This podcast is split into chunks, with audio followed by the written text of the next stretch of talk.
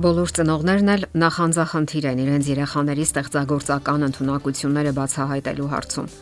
Նրանք հանկարծ նկատում են, որ իրենց երեխան ունի այս կամ այն ունակությունը, եւ ողջևորված ստանում են նրան այս կամ այն խմբակի պարապմունքներին։ Եվ այսպես սկսում է զարգանալ փոքրիկի հոգեկան աշխարհը։ Նա շփվում է գեղեցիկի հետ, ինչը հետագայում շատ կարևորվում է մասնագիտական որոշումներ կայացնելու հարցում եւ հետագա աշխատանքային գործընթացում ստեղծագործական տեսակներից մեկը, որին շատ հակված են երեխաները, դա նկարչությունն է։ Պատճառն ամենից առաջ մատչելիությունն է։ Մյուս պատճառը երեխայի զարգացման հոգեբանական առանձնահատկությունն է։ Նկարչությունը նախադպրոցական հասակում ունի նաև ֆիզիոլոգիական բացատրություն զարգանում է երեխայի ձեռքը, ձեռքի շարժումները։ Նրա թաթիկը սովորում է կատարել ձեռքի բազմաթիվ նուրբ տարբերակված շարժումներ, իսկ ձեռքի զարգացվածությունը անմիջականորեն նպաստում է նաև ճանաչողական ընտունակությունների զարգացմանը եւ ընդհանուր առմամբ ուղեղի զարգացմանը։ Նկարչությունը եւ վերարտադրողական եւ համակցված ստեղծագործական գործունեություն է։ Որոշակի տարիքից սկսած երեխան պատճենում է պատկերները, իսկ ապա սկսում է երևակայական ֆանտաստիկ պատկերներ եւ անսովոր համակցություններ նկարել։ Ասենք որ այս երկուսն էլ օգտակար են երեխայի զարգացման համար։ Ստեղծագործական այս գործընթացը գերակշռում է հատկապես նախադպրոցական տարիքում։ Նրանք հաճույքով են նկարում եւ երկար։ Հարկավոր է այս ժամանակ ուրախadir լինել, բացահայտելու երեխայի ունակությունները եւ զարգացնելու դրանք։ Բնորոշ է, որ բոլոր երեխաների մոտ նկարչությունն անցնում է զարգացման 3 փուլ եւ արժե որ ծնողները տեղյակ լինեն այդ փուլերին եւ անհարկի չմիջամտեն, երբեմն էլ չարքելեն երեխայի ստեղծագործական զարգացման ընթացքին։ Սկզբում նրանք ծուռումուռ գծեր են քաշում։ Այս ընթացքում երեխային հետաքրքրում է բուն գործընթացը։ Երբեմն նույնիսկ շոշափողական, զգայական մակարդակում, քան ստեղծագործական, աշխարհի ճանաչման առումով։ Նա սիրում է նայել պատրաստի նկարները, իսկ ինքը նկարում է абստրակտ խզբզոցներ, Մինչև որ սկսում է պատճենել այլ պատրաստի պատկերներից, միայնակ կամ ծնողների օգնությամբ։ Երկրորդ փուլը սխեմատիկ նկարների փուլն է, երբ նկարված առարկաների եւ երևույթների մեջ երեխան ավելի շատ իմաստ է դնում, քան պատկերված է նկարում։ Նա այնպես է անում, որ ուրիշներն էլ հասկանան, թե ինքը ինչ է նկարել։ Եվ վերջապես, երրորդ փուլը անհատականացված պատկերների փուլն է։ Այս ժամանակ երեխան մտորում է եւ ստեղծագործում։ Նկարներն ունեն բովանդակության եւ արտահայտման ծրագրեր, գաղափար, ձև, Նա նկարում է այն, ինչ առանձնապես իրեն է վերաբերում, ազդում է իր վրա։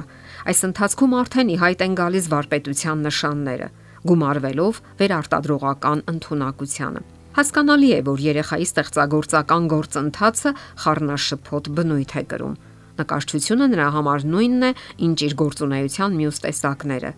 եւ դա անում է տարերային ձևով Այն որևէ կապ չունի արդյունքների հետ։ Նա չի ձգտում նպատակների կամ դափնիների։ Նա հաճախ չգիտի էլ թե ինչ պետք է նկարի, երբ ձեռքն է վերցնում թուղթը։ Նրան հրապուրում է բուն գործընթացը։ Եվ առավել եւս վաղ տարիքի երեխան չի սпасում որևէ գնահատականի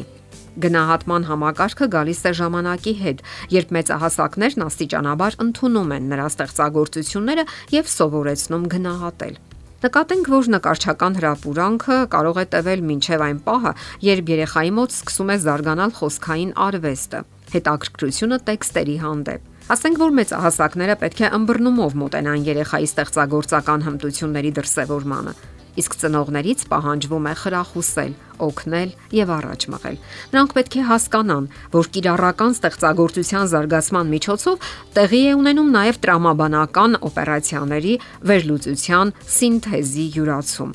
Դա միայն առաջին հայացքից է թվում, որ մանկական նկարները, հատկապես կրտսեր նախադպրոցական տարիքի երեխաների, տարերային են եւ քաոսային։ Պարզվում է, որ այդ նկարները ունեն ներքին տրամաբանություն, Պարզապես քանի որ երեխաները դեռևս չեն հասկանում առարկաների երևույթների ֆիզիկական աշխարհի կառուցվածքն ու տրամաբանական կապերը, ապա նրանց մոտ ամեն ինչ խենթ, ծրված ու ծիծաղաշարժ կարող է թվալ։ Ահա թե ինչու երեխաները հաճախ զարմանում են, որ մեծ ահասակները չեն հասկանում, թե ինչ է նկարված նկարում։ Չէ որ իրենց համար դա այնքան པարզ է։ Ասենք որ գոյություն ունի հոգեբուժական, այսպես կոչված արտ թերապիա մեթոդը Սա կիրառվում է հոգեբանական բազմաթիվ ճգնաժամային վիճակների բուժման ժամանակ։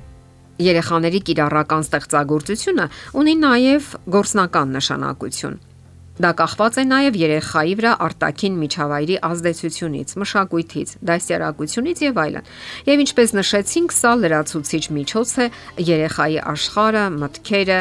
ճանաչելու եւ գոյություն ունեցող հիմնախնդիրները հասկանալու համար, որոնք նա միգուցե եւ չի կարողանում արտահայտել այլ ձևերով։ Եվ յուրաքանչյուր ծնողի պատասխանատվությունն է բացահայտել այդ նուրբ հոգեբանական պահերը եւ փորձել ուղղորդել դրանք ճիշտ ճանապարհով։